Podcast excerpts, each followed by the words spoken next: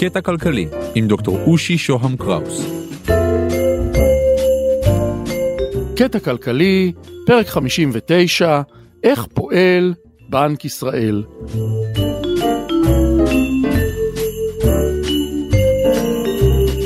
שלום, כאן דוקטור אושי שוהם קראוס, ועל הקו איתנו היום פרופסור קרנית פלוג, סגנית נשיא למחקר במכון הישראלי לדמוקרטיה ומרצה באוניברסיטה העברית, לשעבר נגידת בנק ישראל. שלום פרופסור פלוג ותודה על הזמן היקר שלך.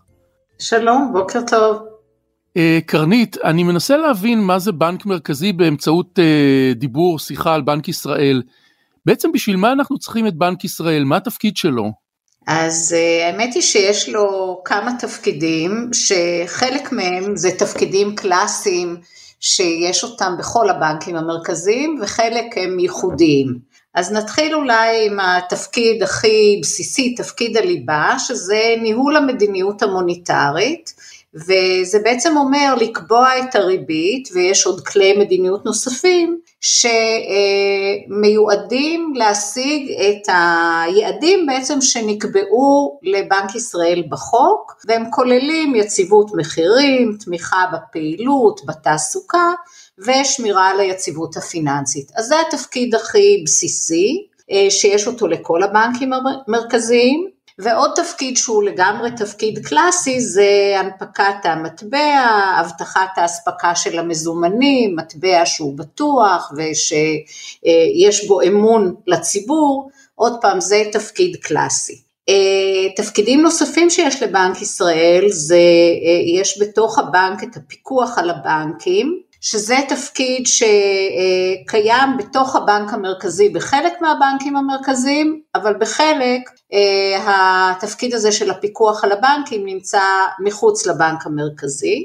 אה, בנוסף לכך הנגיד אצלנו הוא היועץ הכלכלי לממשלה, אה, זה תפקיד שהוא ייחודי יחסית, תפקידים נוספים זה ניהול יתרות מטבע החוץ של המדינה, היום הן עומדות על כמעט 180 מיליארד דולר, כסף לא קטן. אה, הבנק גם אחראי להסדרה של מערכות התשלומים והסליקה, כדי בעצם להבטיח שכל תשלום שאנחנו עושים יגיע לייעודו בצורה בטוחה ומהירה. אה, בנוסף, הבנק הוא גם אה, מוגדר כבנקאי של הממשלה, כלומר הוא מבצע עבור הממשלה את התשלומים שהיא רוצה לבצע, לממשלה יש אה, חשבונות בבנק ישראל והוא בעצם משמש כבנקאי שלה. אה, ותפקיד אחרון שהוא תפקיד שבעצם אה, התווסף או הייתי אומרת יש לו יותר משקל בבנקים מרכזיים בכלל מאז המשבר הפיננסי הגלובלי, שזה היה ב-2008-2009, זה תמיכה ביציבות הפיננסית של המערכת הפיננסית בכללותה, וזה נעשה על בסיס אה, מידע מאוד מפורט אה, שיש לבנק ויש לו נגישות למידע מפורט ובשיתוף פעולה עם כל הרגולטורים הפיננסיים האחרים. אז זה ככה התפקידים העיקריים אה, של בנק ישראל, שכאמור חלקם קלאסיים ויש אותם בכל הבנקים המרכזיים במדינות מפותחות, ואחרים הם יותר ייחודיים לבנק ישראל. אני מנסה לדמיין אותך נכנסת לעבודה ו- ומה את עושה בעצם, איך את מייצבת את הדברים, איך את uh, מחליטה על מדיניות מוניטרית, מה הפעולות שאת בעצם צריכה לעשות כנגידה. אז קודם כל, אה, אני לא, אה, כנגידה אני לא עושה את כל הפעולות לבד, אלא נגיד עומד בראש ועדה מוניטרית, שהיא בעצם הגוף המקצועי שמקבל החלטות ביחס למדיניות המוניטרית, והוא מקבל את ההחלטות האלה על בסיס עבודה מקצועית שנעשית על ידי גורמי המקצוע בבנק, יש חטיבת מחקר, יש חטיבת שווקים, שהן אמורות לתת את כל המידע הרלוונטי כדי נניח לקבל החלטה על הריבית בצורה שהיא עקבית עם היעדים שהבנק אמור אה, לשרת, כשכמו שאמרתי היעדים האלה, היעדים העיקריים זה להבטיח יציבות מחירים, כלומר אינפלציה נמוכה, ויש לזה גם תרגום כמותי לאינפלציה שהיא בכל נקודת זמן בין אחוז לשלושה אחוזים, זאת אומרת שהמחירים צריכים במהלך שנה לעלות בין אחוז לשלושה אחוזים, ובאופן שגם רוצה להגיע לכך שהצמיחה במשק היא צמיחה יציבה, ושהתעסוקה היא קרוב לתעסוקה מלאה, כלומר אלה היעדים שבעצם המדיניות של הריבית מנסה לשרת. עכשיו מה זה ריבית? ריבית זה בעצם המחיר של הכסף, נכון? הריבית אה, שבנק ישראל קובע הוא בעצם אה, מגדיר את הריביות שאחר כך הבנקים גובים על האשראי שהם נותנים, או הריבית שהם נותנים למי שמפקיד כסף, וזה בעצם מגדיר את כל מערך הריביות במשק, והמחיר של הכסף מגדיר עד כמה אטרקטיבי לקחת אשראי או להפקיד פקדונות, וזה משפיע על הרבה מאוד פרמטרים במשק. למשל, אם האינפלציה היא אה, גבוהה, ואני רוצה קצת לצנן את המשק, והפעילות היא פעילות עם אבטלה מאוד נמוכה וצמיחה גבוהה ויש סכנה שהאינפלציה תעלה, אז אם אני אעלה את הריבית ואני אעלה את המחיר של הכסף, אז אנשים ייקחו פחות אשראי, ישקיעו פחות, יצרכו פחות, ולעומת זאת יפקידו יותר כסף בבנק, וזה יצנן את הפעילות. או אם אנחנו נמצאים במצב ההפוך ויש אבטלה גבוהה במשק כמו שיש לנו עכשיו ואינפלציה מאוד נמוכה ואני רוצה לעודד את הפעילות, אז אם אני אוריד את הריבית אז זה אומר שיותר כדאי לקחת אשראי ואז אנשים ייטו לקחת יותר אשראי, להשקיע יותר, לקנות יותר, לצרוך יותר וזה יביא להאצה בפעילות.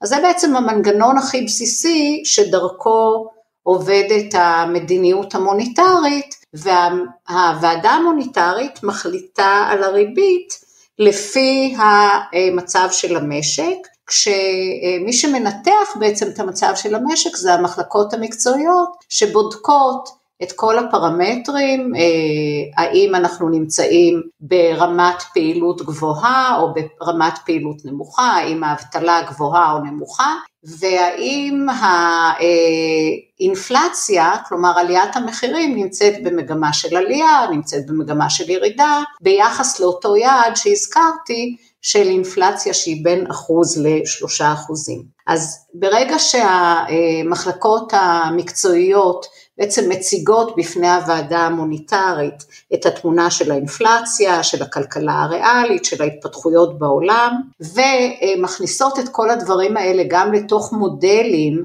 כמותיים שמייצרים תחזיות, בעצם הוועדה על סמך אותן תחזיות ועל סמך הניתוח של תמונת המצב, מתאימה את הריבית כך שהיא תשיג את היעדים של המדיניות. ואז הבנק בעצם גם מתאים את כמות הכסף כך שהביקוש וההיצע של הכסף אה, יהיו אה, תואמים את רמת הריבית שהבנק קובע.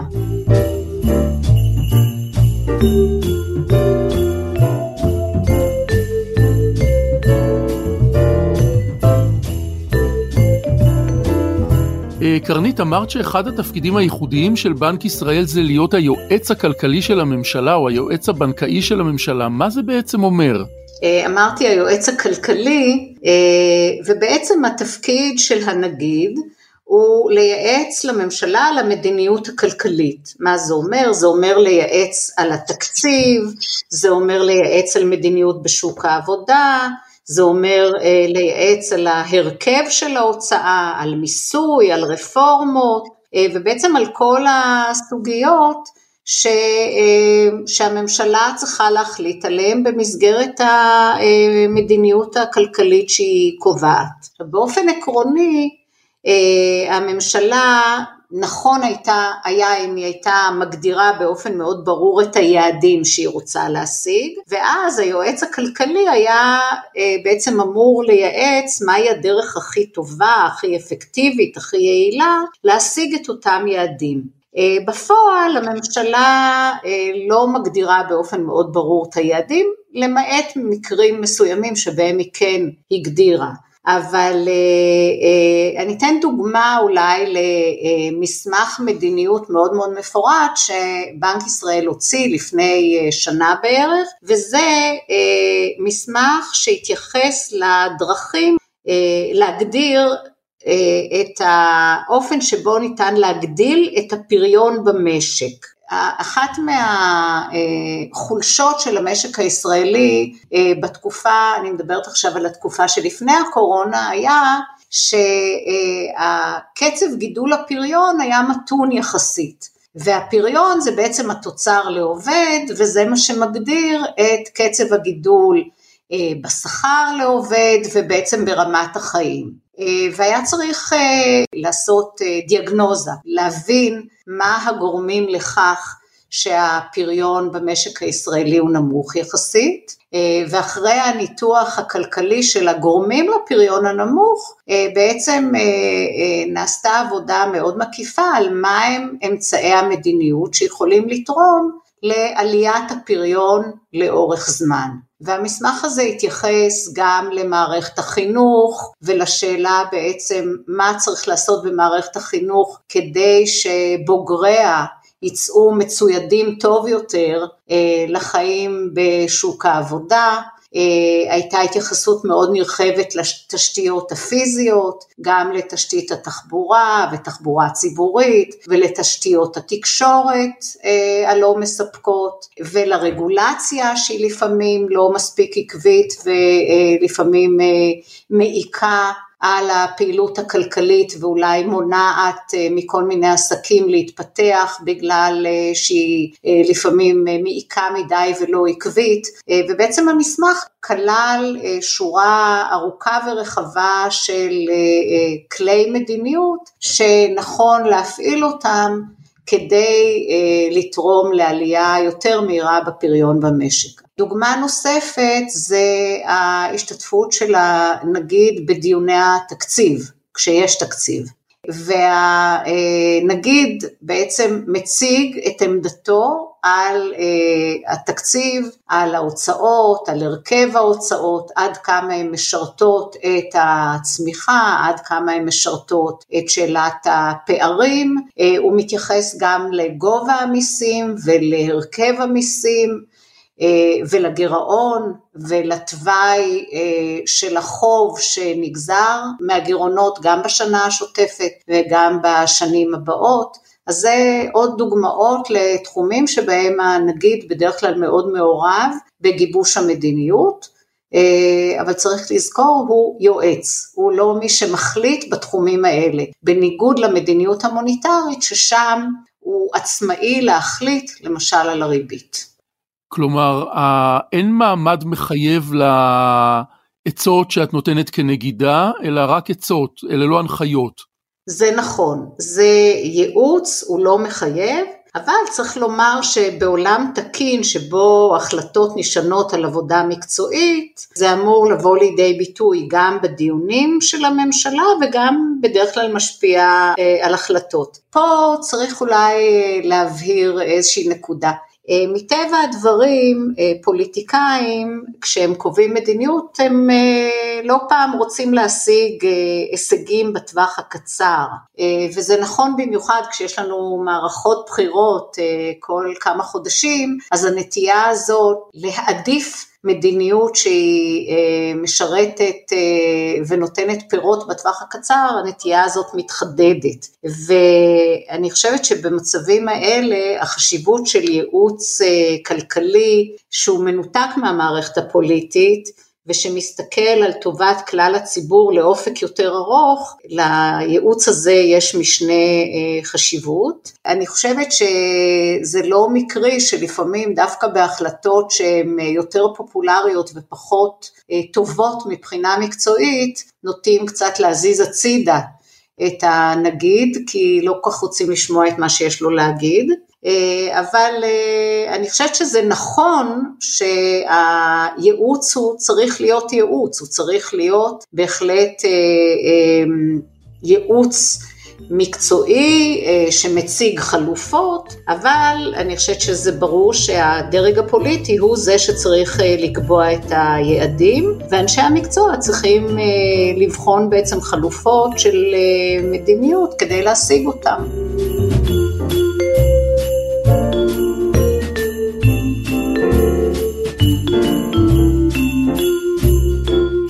נראה לי שיש כאן אה, מערכת נורא מורכבת של החלטות ופעולות, ואני מדמיין אותך יושבת, משחקת שח על כמה לוחות בו זמנית. אז בעצם מול מי את משחקת? מול המציאות במרכאות, מול הבנקים, מול הציבור, מול כלכלות בחוץ לארץ? אמ, אז זה באמת אה, אה, משחק די מורכב עם הרבה trade-offs, עם הרבה שיקולים. תראה, קודם כל יש דבר אחד מאוד ברור, אני מדברת עכשיו שוב על המדיניות המוניטרית, שזה התחום שבו לבנק, לוועדה המוניטרית יש עצמאות לקבל החלטות, והיעדים הם ברורים, היעדים הם כאמור יציבות מחירים, צמיחה, תעסוקה ויציבות פיננסית. את ההתפתחויות בכלכלה העולמית לוקחים כנתון, כלומר צריך לעקוב אחריהם, אבל אני לא, ישראל היא מדינה יחסית קטנה, היא לא משפיעה אה, על העולם, אז את זה לוקחים כנתון, וזה כמובן משליך על ההתפתחויות אצלנו. והמשחק הוא בעצם מול השחקנים בשווקים השונים, אם זה שוקי ההון, שוקי המטח, בעלי עסקים, עובדים, משקי בית, שהם בעצם מגיבים בין היתר לאותם פרמטרים שהבנק משפיע עליהם, שזה אה, מחיר הכסף, כלומר הריבית, אה, שערי החליפין אה, וכולי. אז נניח כשאנחנו מחליטים להוריד את הריבית, אז זה פועל על העסקים להשקיע יותר, זה פועל על הצרכנים לצרוך יותר, זה יכול לתרום לעלייה של מחירי המניות, ולכן להגדיל את הערך של הרכוש הפיננסית, וזה כל מיני ערוצי תמסורת של המדיניות המוניטרית. אבל אה, ריבית מאוד נמוכה גם יכולה להביא למינוף יתר, להגדלה של סיכונים פיננסיים, למשל לזה שאנשים ייקחו משכנתאות בהיקף מאוד גדול, אז כמובן שגם אלה שיקולים שצריך אה, לקחת בחשבון, כי כאמור אנחנו מסתכלים גם על הנושא של יציבות פיננסית, ולבנק יש גם כלים לטפל באופן יותר ישיר בסיכונים האלה. אה, למשל, הבנק יכול אה, להשית כל מיני מגבלות על היקף האשראי לפעילויות כאלה או אחרות, הוא יכול להגביל את המשכנתאות ביחס לערך הנכס, הוא יכול אה, להשפיע על הרכב המשכנתאות, כלומר יש לו כלים נוספים שבהם הוא יכול אה, להסתייע כדי להשיג את היעדים הנוספים, אבל זה באמת אה, משחק מורכב עם הרבה שיקולים, שחלק מהם לפעמים דוחפים למדיניות לכיוון אחד, חלק מהם דוחפים למדיניות בכיוון השני, ואז אתה צריך כלי מדיניות נוספים כדי למצוא את האיזון אה, הראוי. ואגב, בעניין הזה יש גם טעמים, ולכן יש ועדה מוניטרית שיש בה דיונים אה, גם מעמיקים ולא פעם גם ויכוחים על מה בדיוק צריך להיות המינון הנכון של הכלים השונים. ואגב, עוד כלי מדיניות מאוד משמעותי זה גם ההתבטאויות של הנגיד או הנגידה, כי הם משפיעים על הציפיות ולכן הם יכולים להשפיע על השווקים ועל ההחלטות של שחקנים, וזה אכן משחק מאוד מורכב אבל גם מאוד מרתק. אה, זה, זה אחד האתגרים הגדולים שעשית עד עכשיו? ללא ספק. אה, ללא ספק זה אה, תפקיד שהוא מרתק, הוא מעניין, הוא מאתגר, הוא גם נעשה בעזרת הרבה מאוד אנשי מקצוע מעולים שיש בבנק ישראל. אני חושבת שבאמת זה אחד מוקדי מקצועיות מאוד מאוד גבוהים בשירות הציבורי, וזה שהוא ככה מנותק. במובן מסוים מהמערכת הפוליטית והקדנציות לא קשורות למערכת הפוליטית, משאיר אותו נקי ובאמת ממוקד בטובת הציבור. אז uh, בהחלט uh, תפקיד uh, שזכיתי, זכיתי לעשות אותו במשך uh, חמש שנים, כן. פרופסור קרנית פלוג, סגנית נשיא למחקר במכון הישראלי לדמוקרטיה, מרצה באוניברסיטה העברית, לשעבר נגידת בנק ישראל, תודה, תודה, תודה שהיית איתנו. תודה רבה לך. עד כאן על קצה המזלג, ניפגש בפרק הבא. אני מרצה ומייעץ בתחומי הפודקאסטים, תוכלו להשיג אותי ב-050-8898-322, לכתוב לי באושי את אושי.co.il או בלינקדאין שלי באנגלית, דוקטור אושי שוהם קראוס. תודה לקווין מקלוד על המוזיקה, תודה לרון טוביה עורך הפודקאסטים של גלובס, להתראות.